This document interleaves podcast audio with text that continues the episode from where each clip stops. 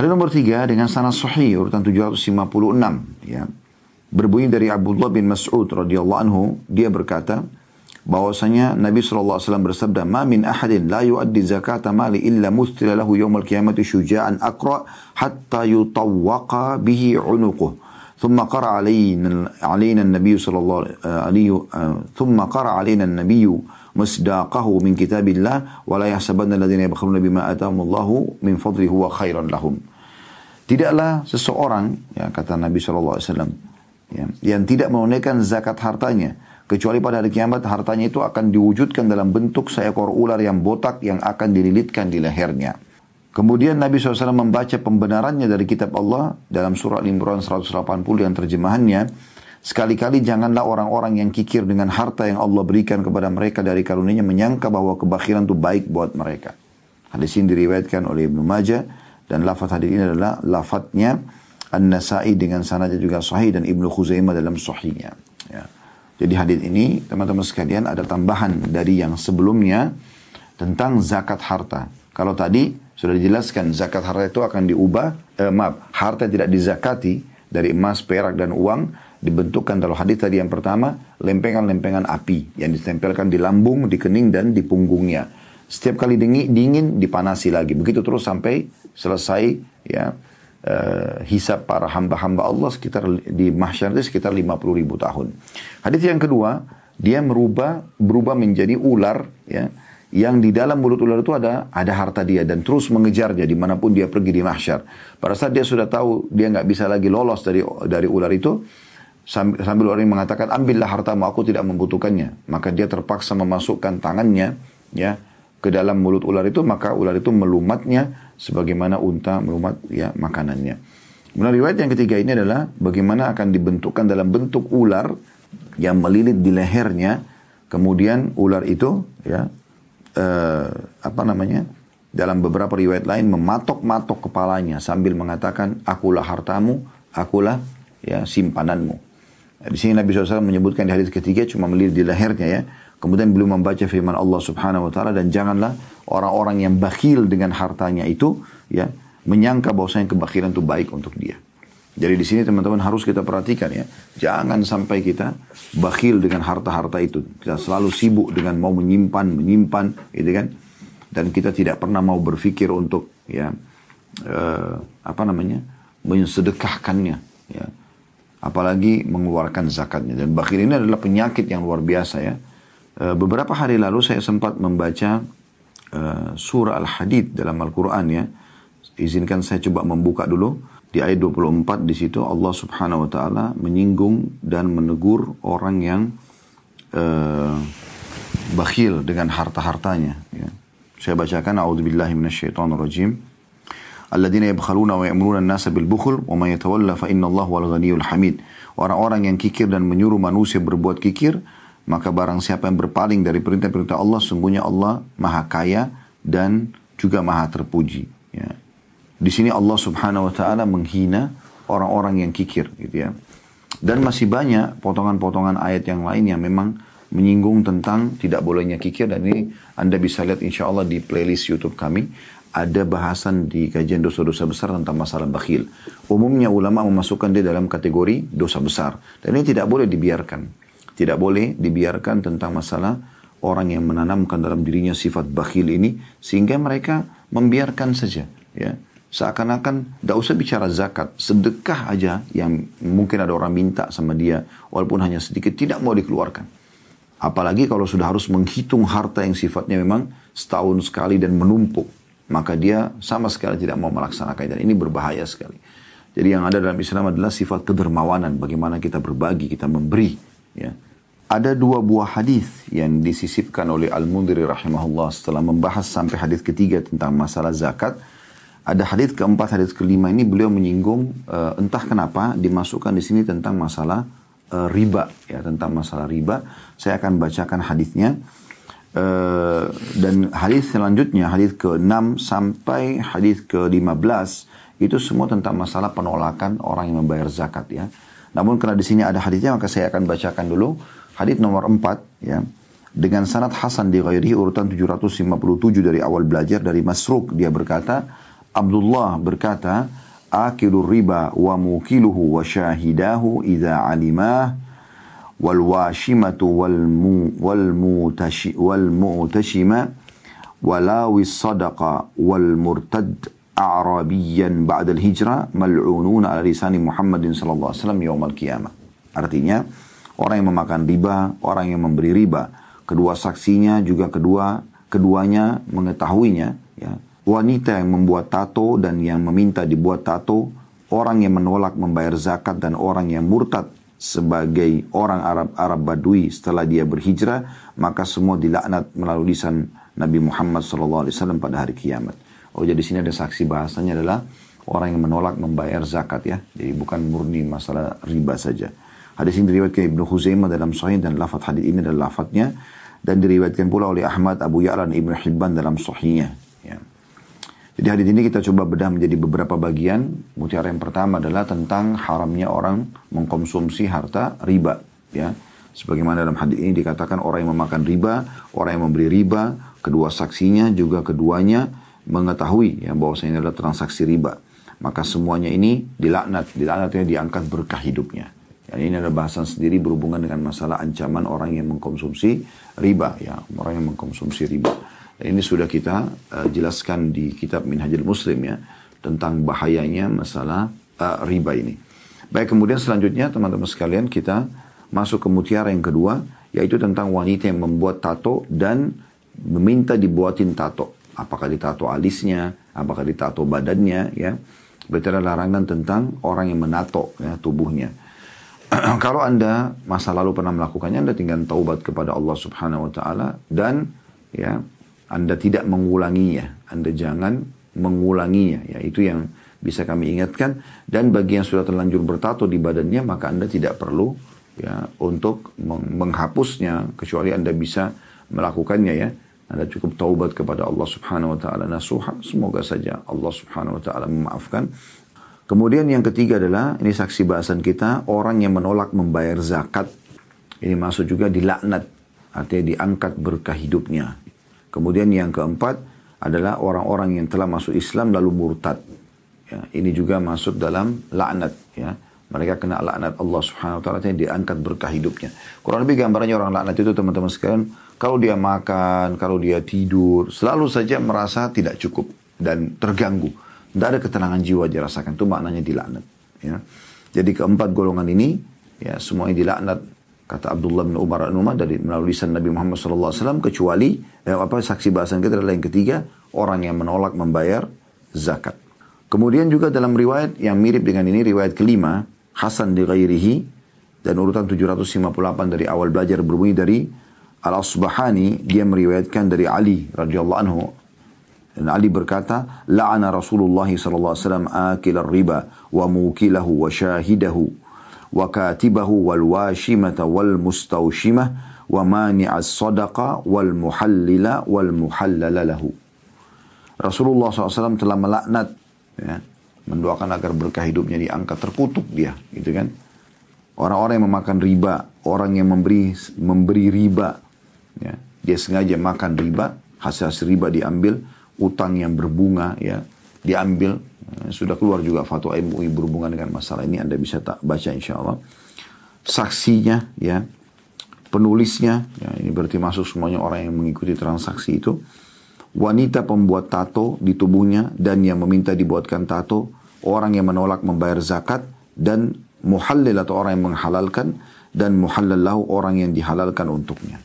Hadis ini ya hadis atau riwayat ini disebutkan Hasan di ghairihi oleh Syekh Albani rahimahullah. Baik dari hadis ini teman-teman sekalian, potongan pertama mirip dengan hadis yang keempat tadi tentang masalah haramnya transaksi riba. Dan ini akan terus haram sampai hari kiamat. Ya, tidak mungkin ada orang yang bisa menghalalkan riba. Jadi tugas Anda sebagai muslim bertobat dan meninggalkannya. Itu yang harus kita lakukan. Ada yang masih terjerumus maka dia tahu konsekuensi itu adalah perbuatan yang tidak boleh. Ya, ini harus diperhatikan. Di sini semuanya kena. Yang memakan riba itu ya yang memberi makanan ya, dia bagi-bagi uang riba itu. Yang menjadi saksinya juru tulisnya semua kena di sini ya. Ini potongan pertama. Maka tugasnya meninggalkan riba itu. Kemudian yang kedua adalah orang yang meminta ditato. Di sini disebutkan secara khusus wanita karena biasanya tato-tato itu ada di alis ya. Jadi nggak perlu selalu ngikutin perkembangan yang ada wahai muslimah sehingga anda melanggar hukum Allah subhanahu wa ta'ala. Udah biarkan alis anda alami seperti itu. Ya. Jangan ditato. Sudah begitu Allah ciptakan itulah yang terbaik buat anda. Ini yang dimaksudkan dengan al-washima wal mustawshima. Orang yang minta ditato ataupun minta ataupun orang yang menatonya gitu ya. Dua-duanya kena laknat. Ini banyak teman-teman kita yang kerja di salon ini hati-hati ya. Kemudian yang ketiga adalah buamani as-sadaqah. Orang yang menolak membayar zakat. Ini juga dilaknat. Ya. Oleh Nabi SAW. Ini saksi bahasan kita. Dan yang keempat adalah orang yang menghalalkan dan orang yang dihalalkan untuknya. Ada ada ada maknanya nih ya. Kalau anda belum tahu, saya sampaikan. Kalau anda sudah tahu, kita cuma mengingatkan kembali. Dalam perceraian dalam Islam, eh, dua batasnya yang bisa kembali lagi. Kata Allah SWT dalam Al-Quran, A'udzubillahi rajim, At-talaku marratan. Cerai itu ada dua. Ya. Pertama Anda mengatakan pada istri saya ceraikan kamu misalnya. Maka jatuhlah tolaknya kalau Anda dalam kondisi sadar ya. ya bukan emosi yang terlalu meluap-luap ya. Yang lupa daratan gitu ya. Maka jatuh tolak itu Anda masih bisa kembali. Tiga kali masa suci dia ke depan, tiga kali masa haid, kalau Anda baikkan dan saling memaafkan dan tidak butuh akad nikah. Ya. Kemudian kalau waktu yang lain Anda ceraikan lagi, yang kedua kalinya, kalau suami mengucapkan, kalau istri mengucapkan tidak akan terjadi tolak itu. Kalau suami mengatakan saya ceraikan kamu lagi, atau dengan bahasa yang mirip dengan itu, misalnya mengatakan pulanglah ke rumah istrimu, dia niat, eh, pulanglah ke rumah orang tuamu, misalnya dia bilang sama istrinya, dan dia niat dalam hati menceraikan, ini jatuh tolaknya, gitu kan? Maka ini yang kedua, dia masih bisa rujuk lagi, kembali lagi. Tapi kalau dia ucapkan yang ketiga kali, ya, maka di sini namanya tolak bayin. Harusnya dia tidak boleh kembali lagi di sini, ya. Nah ini biasanya ada orang mempermainkan hukum. Syariat Islam mengatakan kalau sudah tiga kali cerai, maka tidak boleh kembali lagi. Si mantan istri ini nggak boleh dia kembali sama mantan suaminya. Kecuali ada satu keadaan. Dalam Al-Quran dijelaskan. Yaitu si mantan istri ini menikah dengan laki-laki lain, tapi pernikahan normal. Misalnya dia si i, i, perwanita ini si A misalnya. Dia bersuamikan B. B ini menceraikannya sampai tiga kali. Maka cerailah mereka. Namanya tolak bain. Kemudian setelah cerai, si B ini menyesal. Dia ingin kembali dengan si A. Maka solusinya adalah si A harus nikah sama laki-laki lain. Sama si C misalnya. Ya. Tapi di sini dalam Islam harus si A ini menikah sama si C nikah normal. Bukan direkayasa. Nikah normal semuanya berjalan pernikahan mereka. Kalau terjadi cekcok dan cerai antara A sama C, nggak ada hubungannya sama B, B nggak ikut-ikutan. Sudah cerai jadi janda lagi dia, yang kedua kali, di sini boleh dia terbuka pintu untuk kembali dengan mantan suami yang pertama atau si B tadi. Ya. Nah kalau ada orang rekayasa, misalnya si B bilang sama si temannya si C, ini istri saya, saya sudah terlanjur ceraikan tiga nih. Tapi saya menyesal, saya ingin kembali lagi sama dia. Tolong kamu nikahi mantan istri saya ini, setelah nikah kau ceraikan. Ya. Maka si C mengatakan, oke okay lah, karena persahabatan, dia nikahi mantan istrinya si B, kemudian dia ceraikan setelah akad nikah. Yang penting bisa kembali lagi. Nah ini namanya muhallil dan muhallal lahu. Muhallil ini adalah tadi temannya si C yang mau membantu si A, dan muhallal lahu adalah mantan suami yang minta pada temannya untuk ya menikahi istrinya itu mantan istrinya supaya jadi halal buat dia. Ini hukumnya semua tidak dibolehkan. Allahu alam. Baik teman-teman sekalian, kita akan baca uh, dua buah hadis yang terakhir pada kesempatan ini dan kita akan buka pertanyaan hadis ke-6 dan hadis ke-7. Hadis ke-6 dengan sanad sahih urutan 759 dari awal belajar berbunyi dari Thauban radhiyallahu anhu bahwa Rasulullah sallallahu alaihi wasallam bersabda, "Man taraka ba'dahu kanzan muthila lahu yaumal qiyamati syuja'an aqra' lahu zabibatani yatba'uhu fayaqul man anta?" فيقول أنا كنزك الذي خلفت فلا يزال يتبعه حتى يلكمه يده فيقضمها ثم يتبعه سائر جسده Kata Nabi SAW, barang siapa meninggalkan harta simpanan yang tidak dizakati. Ya. Dia meninggal, tidak sempat dia zakati. Ya. Barang siapa meninggalkan harta simpanan yang tidak dizakati setelah dia meninggal dunia, maka hartanya itu akan diwujudkan untuknya dalam bentuk seekor ular besar yang botak yang memiliki dua taring yang akan memburunya. Dia akan berkata, orang ini berkata kepada ular itu, siapa kamu? Ular itu menjawab, aku adalah harta simpananmu yang kau tinggalkan. Maka ia terus memburunya. Ular itu terus memburunya sehingga eh, dia memberikan tangannya. Ya, Maksudnya sampai orang ini akhirnya mengalah, dia berikan tangannya, lalu ular itu pun menggigitnya, atau uh, lalu ular menggigitnya dan terus menggigitnya sampai ke seluruh tubuhnya digigit. Dan diriwayatkan oleh Al-Bazzar dan dikatakan sanatnya Hasan Ibnu Huzaimah dan Ibnu Hibban juga meriwayatkan dalam sahih keduanya. Jadi hadis ini menguatkan saja apa yang sudah kita sampaikan sebelumnya. Namun di sini ya versi yang sedikit berbeda yaitu hartanya seluruhnya akan dibentukkan dalam bentuk ular mirip dengan riwayat sebelumnya. Namun di sini dijelaskan memiliki dua taring yang besar ya dan mengejar dia.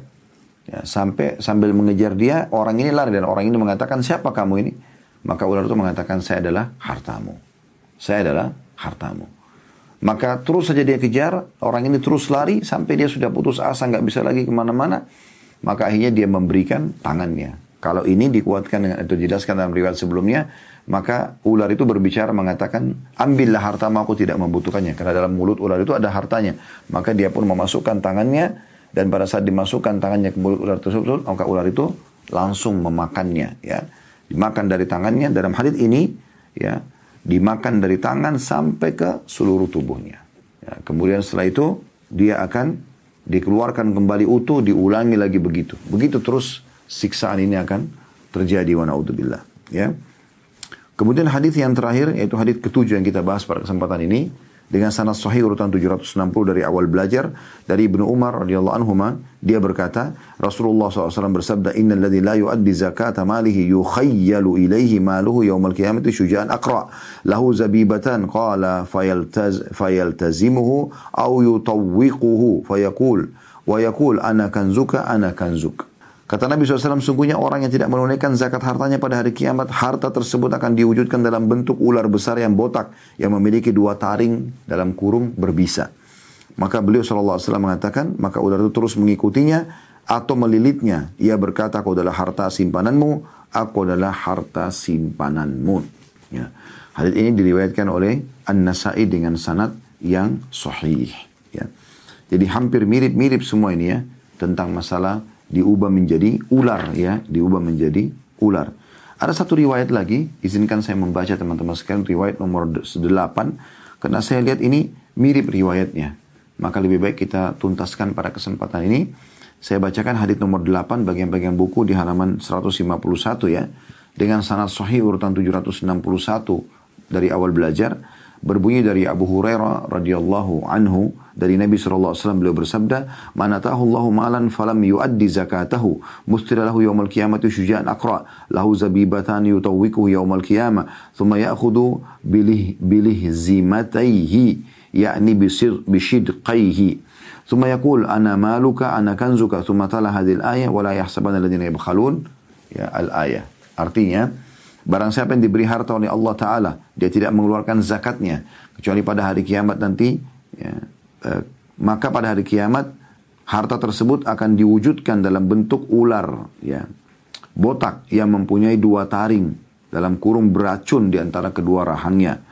Ia melilitnya pada hari kiamat, kemudian ia mematuknya dengan kedua rahangnya. Dalam kurung maksudnya dua tulang di rahang di bawah telinga.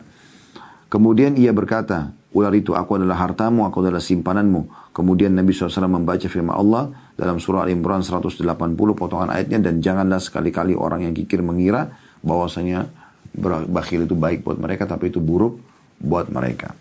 Hadis ini riwayat Bukhari dan juga An-Nasai serta Imam Muslim. Jadi beberapa hadis ini yang terakhir menjelaskan semuanya mirip ya, yaitu harta-harta tersebut akan diubah kalau dalam bentuk emas, perak ataupun uang simpanan diubah oleh Allah Subhanahu wa taala menjadi mirip ular yang berbisa yang akan menyiksa orang ini di mahsyar sebelum ya e, masuk ke neraka. Dan neraka siksanya beda lagi. Tapi ini siksaan semuanya ya terjadi sebelum masuk ke neraka wa naudzubillah. Oleh karena itu sekali lagi kami ingatkan perhatikan bagi teman-teman yang memiliki Allah berikan Anda harta maka jangan sampai Anda luput dari mengeluarkan zakatnya. Allahu a'lam.